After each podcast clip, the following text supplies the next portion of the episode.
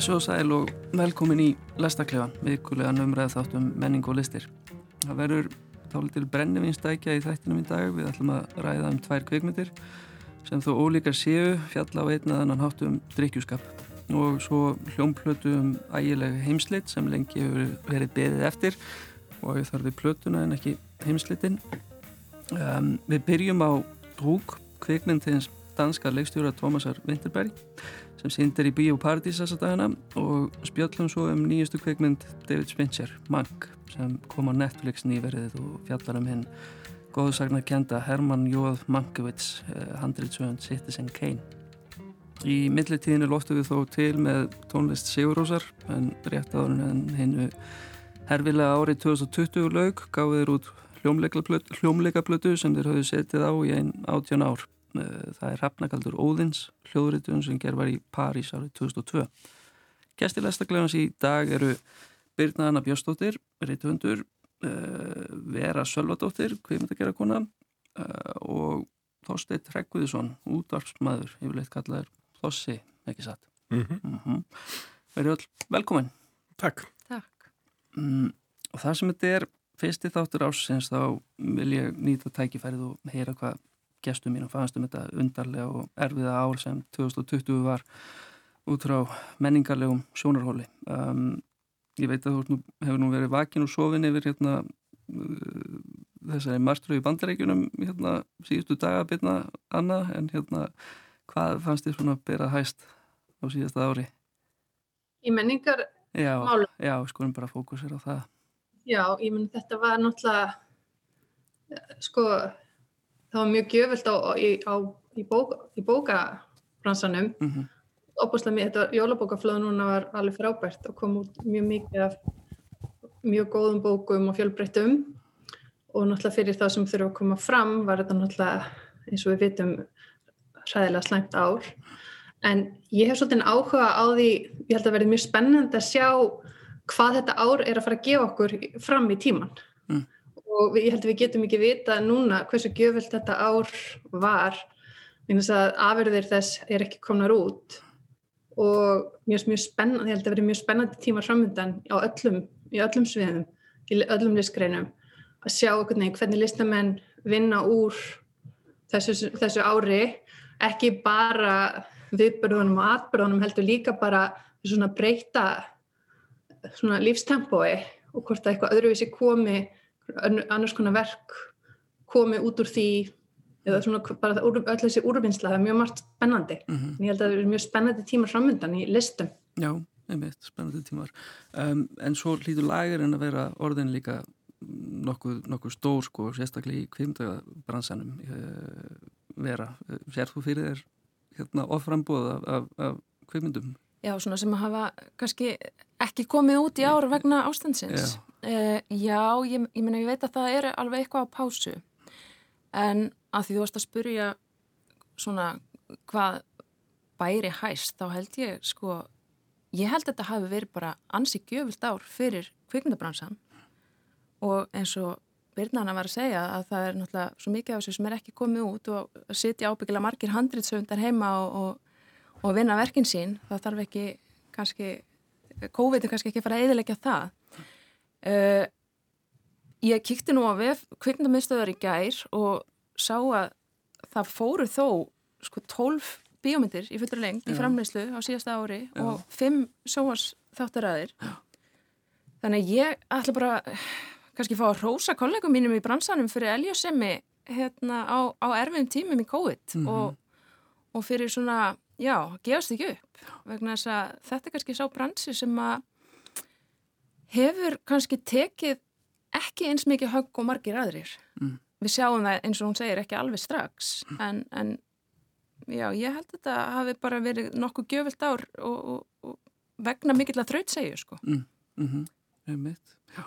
Nú er aðsókn í, í kveikmyndóstum samt, uh, hún hefur dreyið saman bara á heimsvísu eðlilega sko -hmm. um, en, en maður bara vonar að besta sko maður, maður uh, streymisveitunar hafa tekið upp þannan um, slaka sem mm. orðið á markaðanum uh, góndir þú á mikið fyrir framann innbakassan Fossi? Í, já, ekki, ekkert meira en vennilega held ég. Mm. Ég er náttúrulega, kannski, kem aðalega að menningunni gerum með tónlistina. Og hérna, þar eru bara stórmerkilega hlutur að gerast. Og það er náttúrulega bransi sem virkar öðruvis heldur en, heldur en sko, bókmyndir og kaupmyndir. Það er í, í tónlistabransanum ert að sjá áhrifin strax. Mm.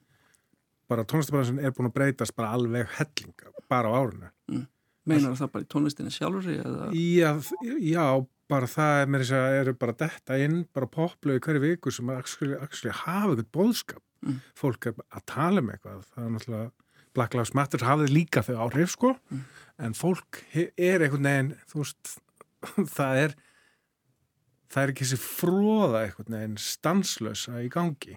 Svo er punk bara að fara á toppin í Englandi aftur. Já, bara postpunk, hljóðustin Idols sem að minnst æðislegt.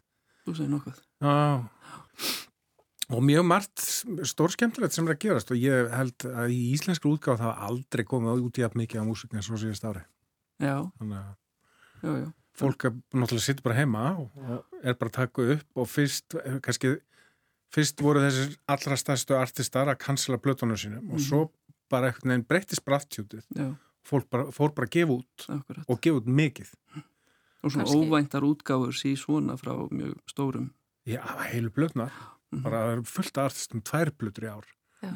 En líka kannski listamenn hafa núna tækifæri til að fara aðeins meira inn á við eins og segir að meiri dýft í hlutunum Já, og kannski bara var þetta fínt tækifæri fyrir okkur svona ef við, ef við ætlum að reyna að fókusera á, á jákvæða hliðina Já. þá held ég að það sé bara ímislegt Mm. fínt búið að gerast Já, það er síðast ári. það er náttúrulega ræðilegt fyrir- fólk að missa náttúrulega innkomuna en, Já. En, en, en eins og ég segi, ég menn það er að skila sér í, það er gott að hafa lista með songa. Já, það er, það er, ákveðin punktur, já. En svo er, er ekkert tónleikahald eða, eða, eða heimsreisur, heimstúrar, sko, að trubla sem sagt, hérna, um, hérna dvöl í stúdíóm, þannig að akkurat, það, það er kannski viðbræðið að, rökkva inn og, og búa eitthvað til. Um, en svo var árið gott í, í bókabúðum uh, og hér á Íslandi alveg hérna, uh, heyrist mér á öllu að salan hafi bara verið mjög góð og, og rituðandar ánæðir eða hvað, Birna? Reytur eru æst ánæður og ég held ekki að lesendur séu það heyrist manni og ég held að fólk sé líka bara fólk les, það, það verið sínt sér bæði hér og, og líka erlendis að fólk er að lesa meira Mm. Fólk er náttúrulega bara heima og, og þannig að hérna og það er bæði út af kannski tempóinu í lífinu og líka bara eins og það fólk er kannski að horfa eins meira inn á við og það er svona eins meiri svona í, í hugun og kannski dýft í það er svona meiri bassi einhvern veginn í lífinu Mm. og þá er oft hérna þá drefst fólk kannski frekar að bókum og, og hérna þó það horfir náttúrulega líka á Netflix og þetta bara, það er bara tími til að gera þetta allt saman mikið í bland. Já, þannig að já, það það er alveg ljósi punktar á þessu öllu saman. Við erum óðarlega upplýttstjörf og, og, og hérna hérna bjart sín hér. Afsakaðu jákvæðan. Já, nei, nei, nei, þetta er besta mál svona á nýju ári. Um, en já, að fyrsta efni þáttarins við tempum okkur í, í, í hérna danska uh, miðlífskreppu uh, fjóra kallmanna uh, kveikmyndin Trúk þar segir frá fjórum buguðum mentaskólakennurum og vinum sem ákveða sannreina verður að segjast nokkuð sérkennlega kenningu um að maðurinn sé fættu með of lítið áfengismagn í blóðinu um, sem, og kenningin gengur út af það að ef fólk sé hæfilega hýfaði við daginn vegni því hins vegar betur, sköpun að gáða eikst og lífsþróttur almennt. Uh, við skulum hlusta á brota sem hugmyndin kviknar yfir kvöldverði hjá þeim félögum en þar er danska stjarnan Mats Mikkelsen fremstur i flokki. Ja, men det, Kom med det er det. ikke mig. Altså, Kom med det, er jo, det, er jo, det, er jo, det er fordi, der findes en norsk øh, filosof og psykiater. Der findes Skorterud. Du er så dum. Nej, nej, prøv nu at høre her. Som faktisk mener, at det er fornuftigt at drikke. Aha. Når man kører bil, eller hvad? Nej, men hele tiden. Han øh, mener, at mennesket er født med en halv promille for lidt. For lidt. Ja, okay. Men det er da meget interessant. altså, jeg, bare lige, jeg skal lige forstå. En halv promille, siger du, ikke? Hvor meget er en halv promille Det er et to glas vin, ikke? Og så skal man så konstant holde den der, på den der halve promille, ikke? Okay. Ja. Øh, Men altså, skal man så drikke noget hele tiden, eller? Ja, altså øh, han, han peger faktisk på, at når man har den der sådan lidt halve promille i blodet, Ja. så er det jo der, hvor du sådan bliver sådan lidt mere afslappet og sådan lidt mere parat og musikalsk og åben. Mere modig, simpelthen, ikke? Det siger jeg ja til. Jeg kunne i hvert fald godt bruge lidt mere. øh, Þar höfum við það, hálft prómíl er hið guldna meðaltal, segja þær, uh, samkvæmt þessum norska sálfræðingi Finn skotur út. Uh, Tilunin byrjar af því að verðist vel hjá þeim en hún hefur miklar afleðingar fyrir bæði fjöruskildulíf og, og störf kennarana. Uh, hvað fannst þér um myndina Ó, það er svo margt. Uh, mér fannst alveg ótrúlega margt um þessa mynd. Uh, sko eins og ég hef alltaf verið mjög hrifin af Tómas Vinterberg og sömu leiðis Mats Mikkelsen, hann er stórkostlega leikari og ég hérna og átti þarna stórleik í sér mynd. Mér, sko, mér fannst handritið vera eiginlega þannig að ég, ég sko trúði ekki alveg atbyrðarsinni en mér var eiginlega alveg sama. Uh, ég hef alltaf verið mjög hrifin af svona skandinaviskum realisma miklu meira heldur en einhverju smá fróði eins og þú veist að tala um á hann uh, hún var marglaga. Uh, hún síndi sko áhrif þess að, að drekka áfengi á sko öllum skalanum. Uh, bæði vond og gott. Mér langaði, sko, við vorum að tala um það aðan sko, hvort að einhverjum langaði að drikka eftir þetta að bara alls ekki uh, Já, til. En sko, já, ég, ég verði eiginlega bara, já, ég, ég er svo ótrúlega ástfangin á hann Mats Mikkelsen, hérna, hann átti bara geggjaðan leik í þessari mynd og sérstaklega í loka sinunni, hann er svona fysiskur leikari, mm. hérna, minnum í stundum á hérna Yngvar Ea sem var nú tilnæmdur Mm. til Evrósku kveikmyndavellinana hann árið á undan honum.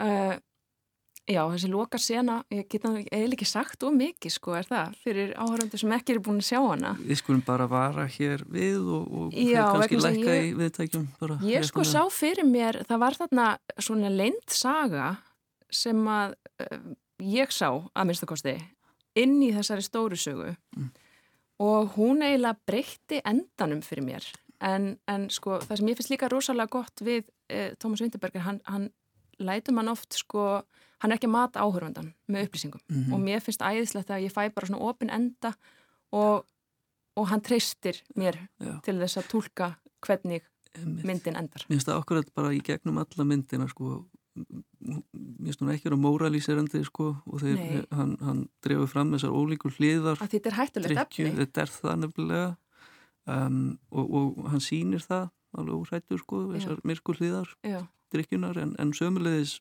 þessar þessa þó jákvæðu sem hægt er að finna uh, á henni.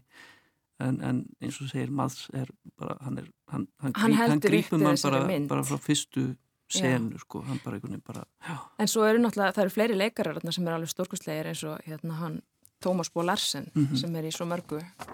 Og hérna var einmitt líka í festen hérna fyrstu, uh, fyrstu frægumyndinans Tómas Vinterbergs og mér finnst líka ímislegt sem að svona er ennþá svona smá dogmast í klíjónum eins og hann talaði um að var handheld myndavillin allan tíman sem á mjög vel við í svona drikkjumynd og já, ég, ég ég myndi segja að mér líkaði vel við þessa mynd. Uh, en hún var svona marglaga. Það var alveg hlutir sem að sem að svona, einmitt eins og ég sagði á hann ég trúði ekki alveg en maður lætur það algjörlega slæta fyrir sko gæðin mm, mm. og einmitt Vinterberg er, er á heimaöllu þarna ég held að hann hafi verið að gera svona frekar stóra myndir sko mm, svona fyrir þessa myndi í mannrétt Já. sko einhverja, einhverja sögu, sögulega mynd um, um hérna kafbáta hernað og eitthvað svoleið sem að svona, verk, verkar daldið skringilegt að- eins og hann sé ekki alveg á réttu stað þar sko en hvað hva fannst þér um, Var um ekki jaktin sem kom undan? jaktin aðeins lengra á, já, Já. undan hún náttúrulega, já Mér fannst það æðislega mynd. Mm. Mér fannst hún algjörlega frábær. Sko. Ég skelli hló á mjög mörgum stöðum í henni. og uh, og hérna og svo er hann náttúrulega sorglega líka Mm.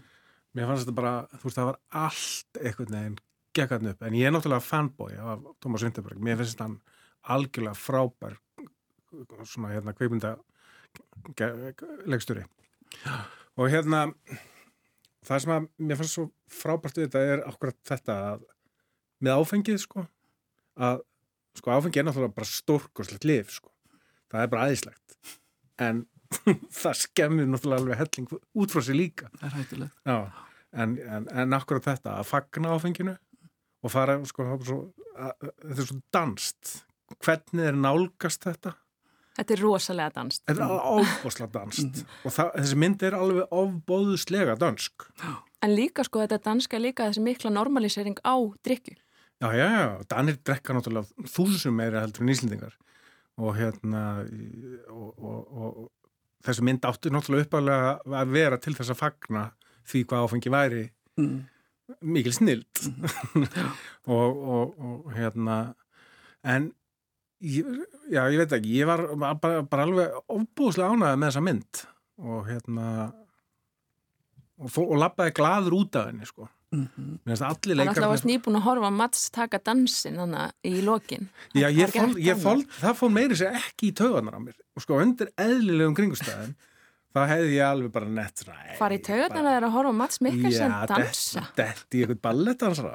Já, hann hefur mentun sem slíkur sko, hann byrjaði, byrjaði sem dansari og náði hann sér langt sem slíkur og, og, hérna, og í fimmleikum líka áður en hann snýri sér að leiklistinni. Hann ber það algjörlega með sér. en, en það, það er það, það er sko snildin einhvern veginn við Vinterberg líka að komast upp með svona hluti. Mm En hvað segir þú Birna? Já, hvað, kemst Vinterberg upp með þessa hluti? Ég myndi vilja sjá heila dans og söng, ég veit ekki hvað hann að syngja, en dans og söngamind með Mats myndi ég bara horfa á og helst viljum hann í þrý tímar. Ég líka.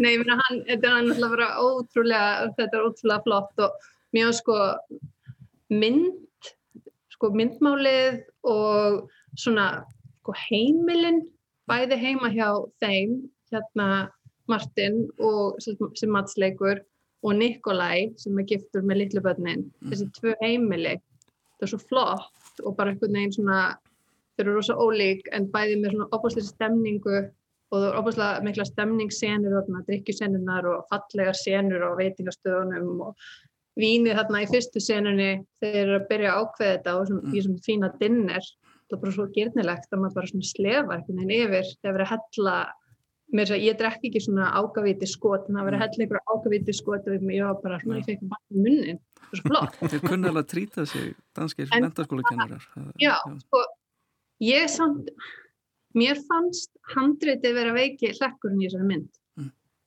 Ég var, mér fannst svona, ef, ef, við- ef við tökum burtu hvað þetta var flott og bara segjum söguna, hugsa um sögutráðin eins og hann er skrifaður, þá er þetta kannski, það væri alveg hægt að presentera þetta bara svona eins og einhverju svona pínu vittlösa Hollywoodmynd, bara svo hangover eða eitthvað þannig.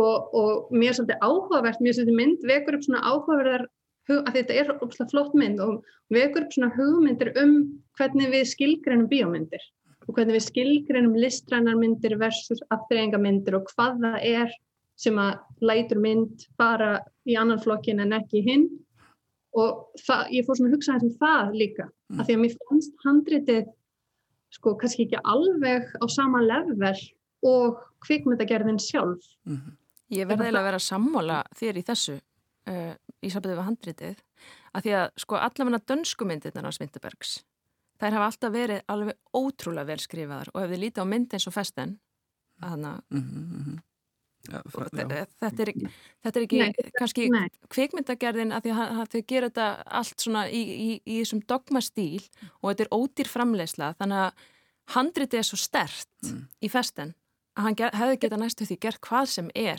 Já, með mér, hitt. mér, Já, mér fannst það sem að, kannski sem að við handriti hvað það var, sko, náttúrulega kannski bara svona svolítið, þetta er kannski ekki brjálæðislega dýr saga, sko, þannig, þeir ákveða að gera þetta og svo gerist alls konar og þetta er allt svona, við höfum alveg séð þessar senur áður í öðruvísi myndum, sko, uh, svona feril hvers og eins og hvað gerist, en það sem ég varst kannski líka gallin var að mér fannst við ekki fá nú mikla dift í karakterina og mér fannst leikarinn þurfa að skila sínu þar miklu meira en Mm. það höfði ekkert brjála, brjálaðslega mikið að vinna úr allir eins og það mis hjónabandið hjá Mats og hérna og konunans mér fannst það rosalega áhugavert upplegg Mm. og ótrúlega spennandi í byrjun bara ok, hér er bara fólk sem er á þessum stað og þetta er opaslega svona það, þetta er svona mjög svona raunverulegt og maður svona ok, hvernig kemst fólk á hana stað, hvernig kemst fólk út úr þessum stað mér varst ekki kannski unnin eitt sérstaklega með það og hvern personar voru ekki djúpar, þær voru hérna bara tvær eiginkonur sem voru svona opaslega það kom ekkert, ekkert sem þær gerðu kom manni neitt að óvart, þannig að ég var svona, maður hefði viljað sjá eins meiri dýft í personunum og samböndunum. Handrið Já, mér, ég ætla að fá að vera bara ósamulega þessu. Og hérna, mér finnst e, akkurat sko, karaktersköpunin algjörlega frábær. Og, og, þá, og munurinn á milli þessara fjóra vinna og þessi litlu dítilar hvernig það segja sögu þeirra í rauninni í myndinni ég sé þetta kannski öðru sem vegna þess að ég bjó í fimm ára dæmi sko. Já, Það ég, er- er... ég verð að taka fram að ég er eins lítið tengd, sem sagt, ég af Íslandingi að vera, þá er ég óbúslega illa kunnug uh, Danmörku, þannig að ég held að það, það hlýtur að hafa áhrif. Já, en þeir búa til sko, sko þegar þú horfir á myndina og þú þekkir inn á danssamfélag þá veist alveg hvaða ljósakróna er og hver, hvað er heimili Já. þú veist alveg þegar eitthvað segir eitthvað, þú veist hvaða stóll er og það er bara, það er við stjættaskipting sem að sérst á milli vinana þeirra að mismunandi mjög mikið pening Mm. einn er svona með fyrirmyndafjölskyldu annar er náttúrulega þú veist algjör lúði þú veist, þannig að mér finnst mér finnst sko dýftin í, í og, og, og samskipti þeirra við sagt, konunnar eru líka mjög svona er ábúslega dönsk Já. en myndin er leikararnir þurfa að vinna svolítið mikið. Já, ég, ég veit það ekki mér, Ég, ég ég, ekki verð líka sammála þér. Ég, ég, hérna, mér fannst karakterarnir vera alveg á dýftina þó að sagan kannski Já. sé ekki á dýftina. En mér fannst karakterarnir já. algjörlega hérna, ná því og, og ég sá þessi sko, samskipti kvenna og kalla sko, mér, fannst, mér fannst það mjög trúverðugt og, og ég tek það fram að ég er heldur alls ekki, sko, ég þekki ekki það vel inn á danst samfélag. Já, ég veit, mm. mér fannst þetta, þetta trublaði mig að ekki allavega, þú veist, mér fannst hún alveg nóg og djúb fyrir söguna, þessa vináttu sögur sem er verið að segja, Já, sko. en þetta er algjör leikaramind og Vinterberg gerði hana bara með þessa leikara í huga og skrifa hana bara, bara, já, með akkurat þá í huga og það alveg skín í gegn, sko. Gaman að sjá hérna Marju Bonaví líka hérna gamlu íslensku, íslensku vinkun okkar. Þetta er náttúrulega, Já, nei, ég held kannski þá að því að þú, sko, það sem að mig kannski vantaði sem að þú kannski hefur frekar er, sko, mér vantaði svolítið baksöguna hjá þeim, sem að þú kannski tengi miklu meira við, þú þekkir svo vel til í Danmörku. Mm. Þegar maður verður svona, svona, hvað, akkur er hann svona og svona, mér fannst þér vera svolítið svona, mér vantaði allan meira um bakgrunn. þetta, er, þetta eru svolítið erkitýpur sem að eru þannig, sko. Svona danskar erkitýpur, einhvern veginn. En við værum því miður að, að staldra aðeins við hér um, við getum ánumlega, já, ég, ég sagt þetta svo ofta aður að við getum vel haldið árum að tala með þessa kvikmynd í, í út þáttin en við þurfum að færa okkur yfir í uh, heimsenda uh, Hrafnagaldurinn uh, í byrjun desember komið platan Hrafnagaldur Óðins með hljómsveitinni Sigur Rós Þetta er 18 ára gamalt verkefni hljómsveitarinnar sem hún vann í samstarfi við Hilmar Örn Hilmarsson, tónskáld, Steindur Andersen, Kvæðamann og Pál Guðmundsson, listamann á húsafelli sem útbjó forláta steinhorpu fyrir tónrikið. Eh, Verkið var pantað að lista át í Reykjavík, í Reykjavík og flutt á henni árið 2002 uh, en flutningunum var hljóðurinn ára myndaður í Grand Hall til að Viet í París síðan sama ár. Það er Marja Huld Markan Sigfúsdóttir og Kjartan Sveinsson sem önnuðast að mestuleiti útsendingarnar. Um, við höfum ekki alveg yfirgefið djammið eftir trúk uh, því hvaði fjallar í hvaðið sem að tónverkið er byggt á fjallar um í afar einföldum máli að guðvittnir eru stattir í miklu partí í Valhöll á meðan allt er á niðurleið og heimsendir guða og manna er yfirvofandi. Allt er á leiti fjandans, allt á niðurleið eins og Hilmar Örd segir sjálfur í einhverju viðtalinu. Við skulum hlusta á brot.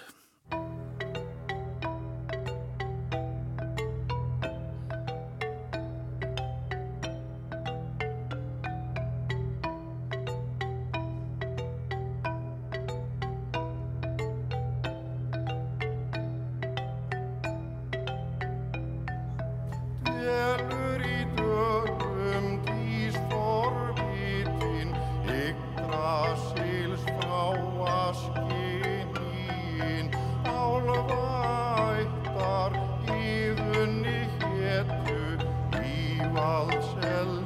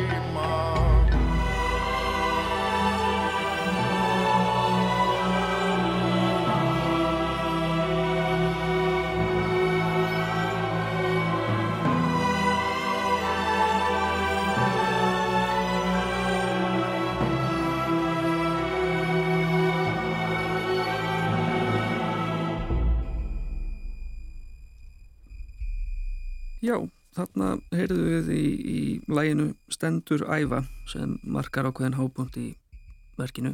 Uh, margir aðdáðandi Sigurósar hafa byggðið eftir því að fá tónverkið loksins útgefið á plötu.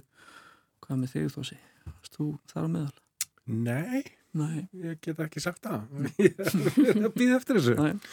Mér finnst Sigur Ás aðeinslega hljómsveit og hérna, þetta er eflaust alveg frábært fyrir svona alveg die hard aðdáðandur að fá þetta í hendunar.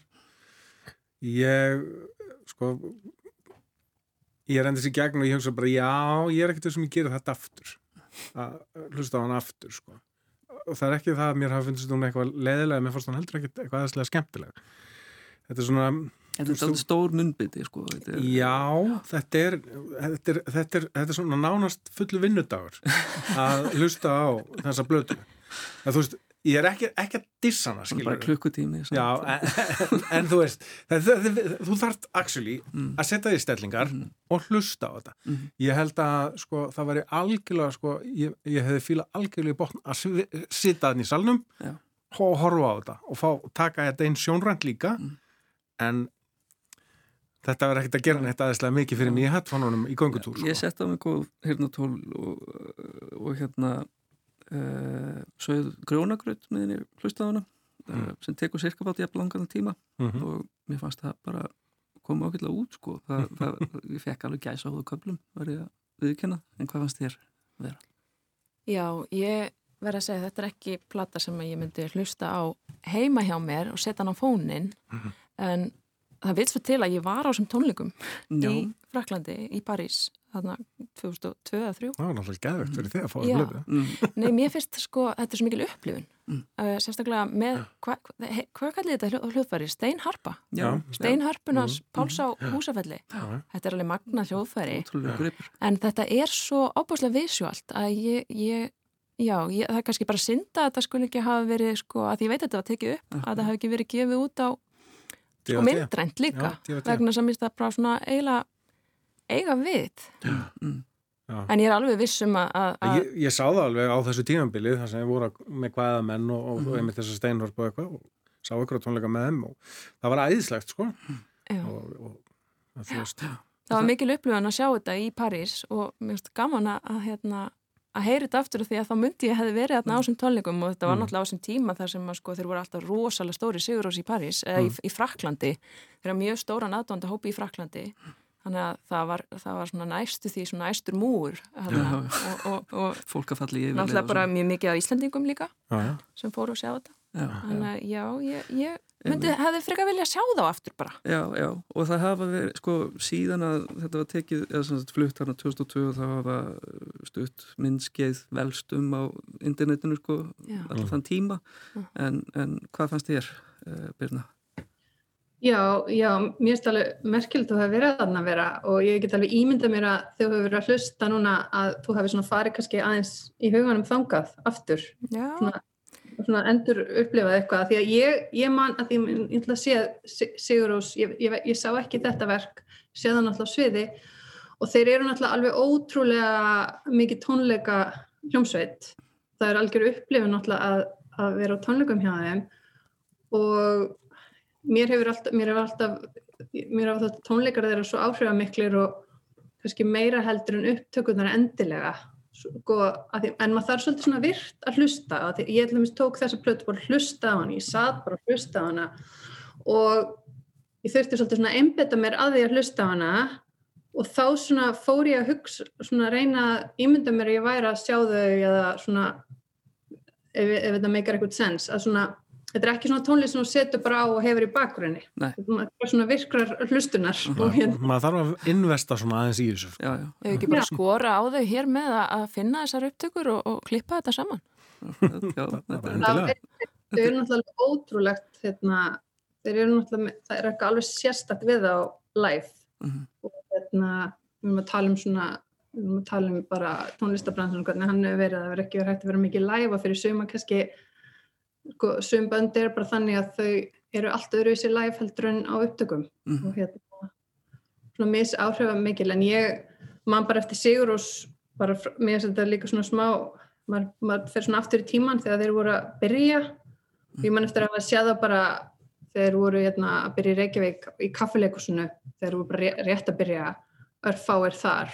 Og ofbúslega áhrifða milli tónleikar og svo þegar þeir voru orðnir heimsfrægir þá sá ég þá líka í New York í stórum tónleikasal og mér varst þeir einhvern veginn ná þessum sömu áhrifum þó þeir var orðnar stórstjórnur og eins og vera sagði á þá var æstu múgur þarna fyrir utan tónleikastæðin í New York líka Mm. Versus, þannig það er, eitthvað, það er alveg smá galdur í það er eitthvað galdur í þeim Mm.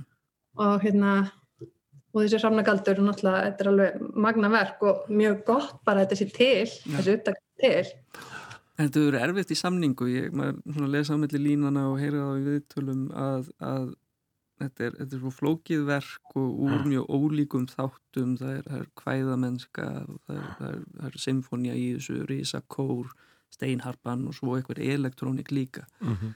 Að, að það hefur ekki verið einfalt verk að, að bara búa til eitthvað heilstætt úr þessu. Sko. Mhm. En já, Já, já, ég minna þetta, eins og ég saði áðan að þetta er svona frábært að þetta kom út þeir eiga náttúrulega óbóðslega stóran hérna, aðdándahóp já.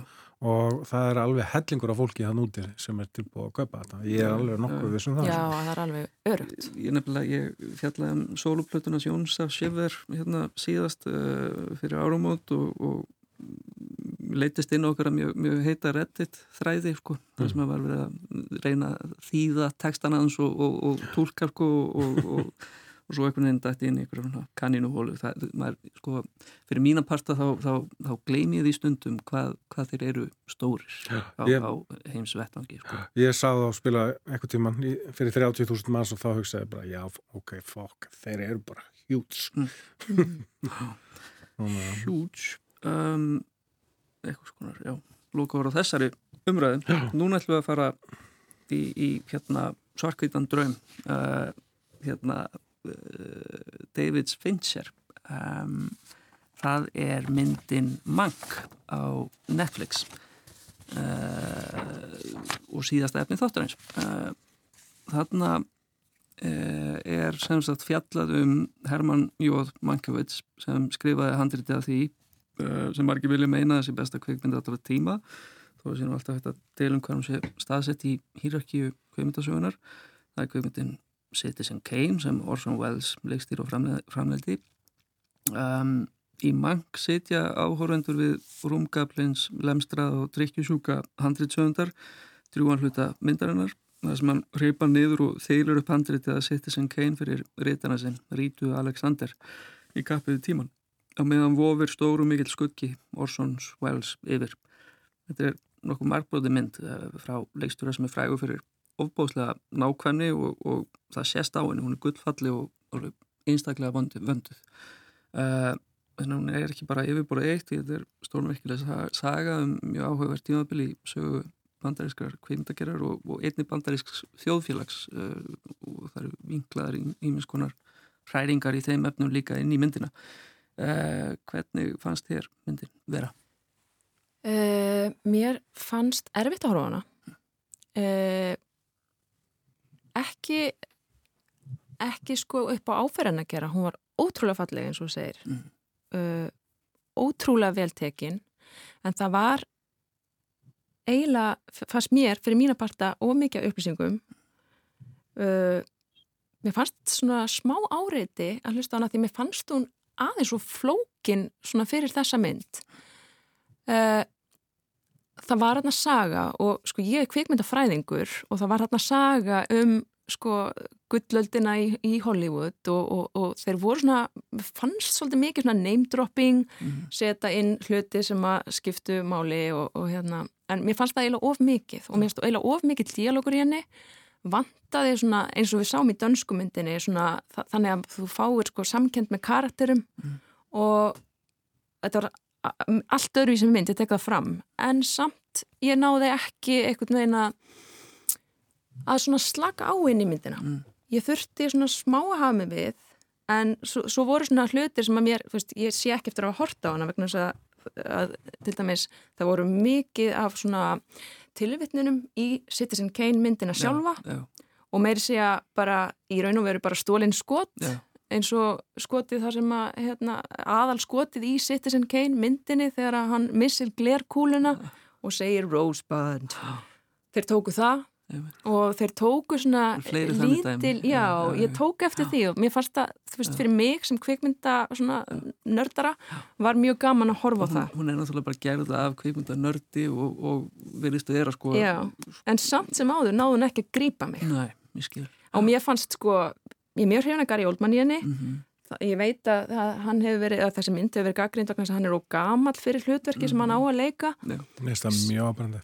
já, það er kannski en mér fannst það bara ekki skipta máli. Nei, í raun og veru, í þessari mynd. Eh, ekki nema að þú sért í raun og veru bara alveg að horfa og hugsa nei, þetta gerðist ekki svona, en mér var alveg, alveg saman já, já. En þetta er nefnilega, já, þegar ég horfði á hana þá, þá dætt mér það nú í huga þetta væri einfallega erfiðist eða þú væri ekki nýbúin að horfa á Citizen Kane og þú vissir ekki af sko, þú nefndir þarna já, örgulega ennþá erfiðara sko. ef þú veist ekki af Citizen Já, Kane að, að það eru stór nöfn sem maður þarf að þekkja í rauninni sko, sögu William Hurst uh, þessar mikla fjölmiðla móguls fyrir hluta 20. aldar í bandaríkunum og bóðslega áhrifir ykkur maður og sem mögulegis Upton Sinclair uh, blaðmaður og reytuhundur um, hvernig fannst þér þetta uh, þósi? Í mér fannst þetta hörmulega mynd. Bara reynd út sagt. Mm. Mér fannst allt misamnaðið hana. Bara frá að til öð. Að reyna að búa til einhverja mynd sem á að fanga þennan tíma svona ábúslega krisp og veist bara, mynd, myndmálið trublaði mig. Mm. Mér fannst það ljótt.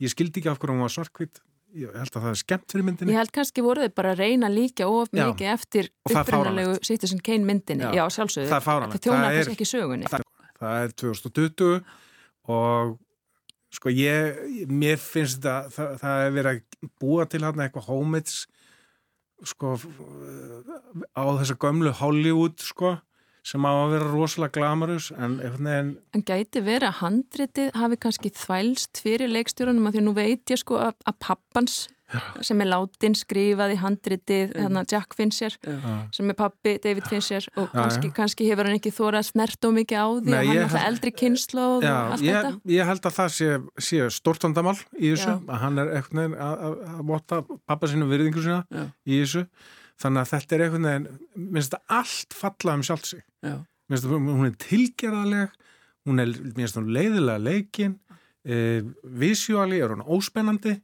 e, og hérna og já, gamaldags fyrir Já, hún er bara, og þú veist þessi saga um þennan drikkvelda rítund slassblaðamann Mm. sem ég er búin að sjá bara sem ég fættist ég þarf aldrei að sjá þú veist, myndum drikkveldan blaðamann eða rítund, bara nokkuð tíman aftur sem að gerist í 1930s Hollywood. Mm.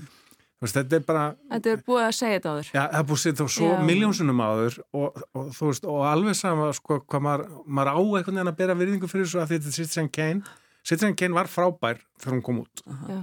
og hún á ekki eitthvað brjálega erindi í dag, sko ég veit ekki, ég hittaði upp með að horfa Já. hana sko, ég hafði Já. ekki séð hana síðan í, síðan en var rúlað inn á hérna uh, svona túbusjónvarpiðin í, inn í einhverju stofuna í mentaskóla mentaskólinu við Hamrarlið Já. uh, ég held ég að sopna reyndar yfir í, í, í, í tímanum vegna sem ég myndi ekkert sérstaklega vel eftir setni helmingnum þegar ég horfði á hana aftur en þetta er alveg stórkoslega mynd hún er það alveg en ótrúlegt að horfa á hana uh, bara með hvernig hún gerð sko. mér, mér fannst það þegar- ég sá hana sínum tíma en ég ætla að fá bæta einu við að þú veist, þetta er allt það, er- það er verið að en, reyna að endurskapa þarna einhvern gamlan tíma Vissulega. og þú og svo kallar til Trent Reznor og, og hérna Atticus Ross Atticus Ross, og lætur að gera lúðrasetta Já, já. en þetta er algjörlega út í hætt sko.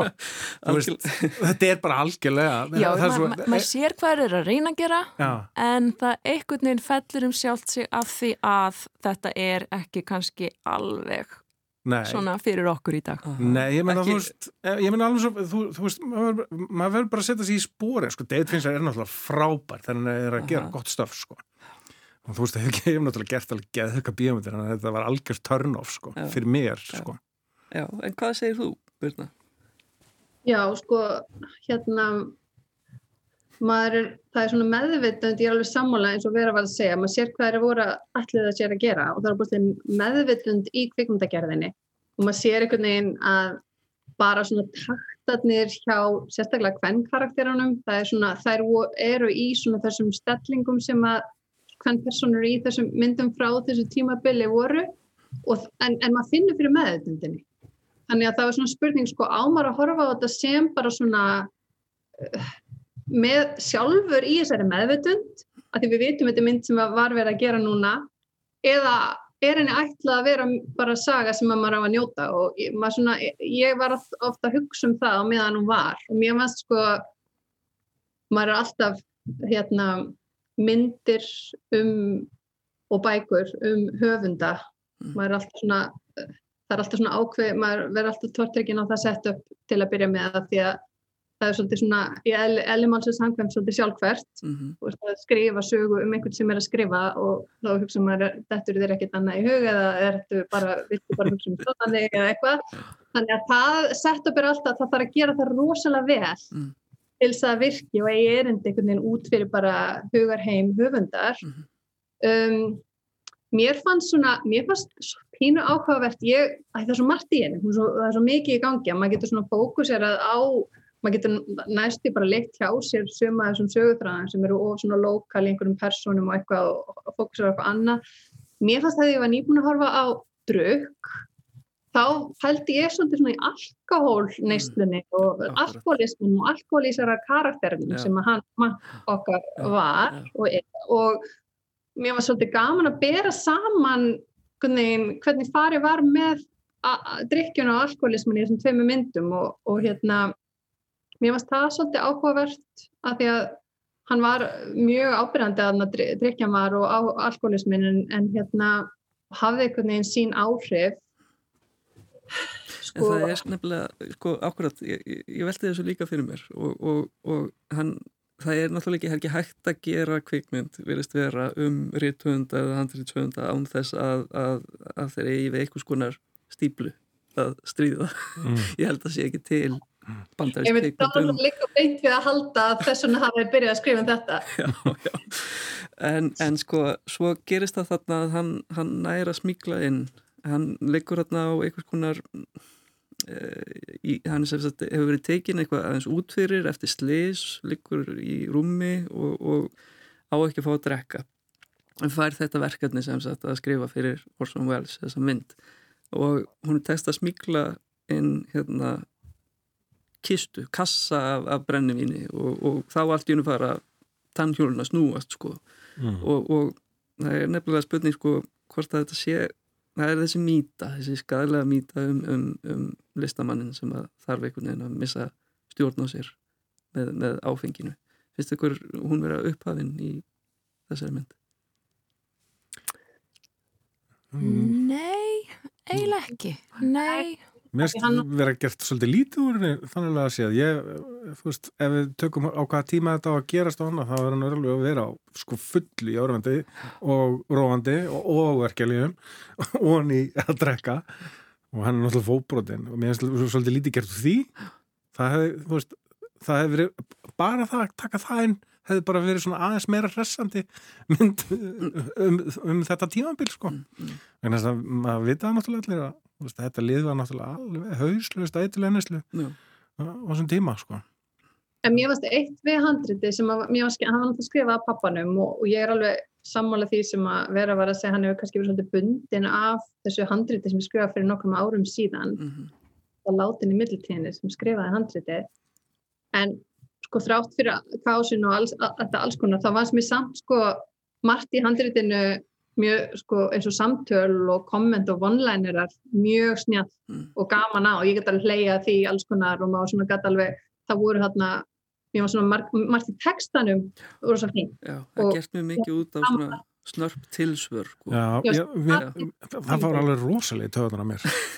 Já, bara... mér fannst það alveg skemmtilegt. Mér fannst það alveg gaman og sérstaklega sko og það er það sem að engjandi svolítið dömurnar á þessum tíma, það eru voru svona snappi og mér var svona, svona, svona kvassar kvennpersonum, mér varst það er skemmtilega konunar og það verið líka litum hlutur sko, Það er þarna Tuppence Middleton sem að leikur eiginkonu uh, Mank nefnilega? Uh, hérna hún náði alveg að, að púla þessi snörpu, snörpu tilsvör Það sem er kallið Poor Sarah. Já, já. já Mér fannst það mitt sko að, að, að þetta með þessi svona quick comebacks sem að er verið að vinna með þarna og er alltaf verið að vinna svolítið með í Hollywood og sérstaklega og gerast, í, gerast á, á þessum tíma sko. ja, ja. Ég, ég er ekki að kaupa þetta veist, það var ekki eins og internet skiljuðu það er bara, liðið hefur bara verið að tala svona saman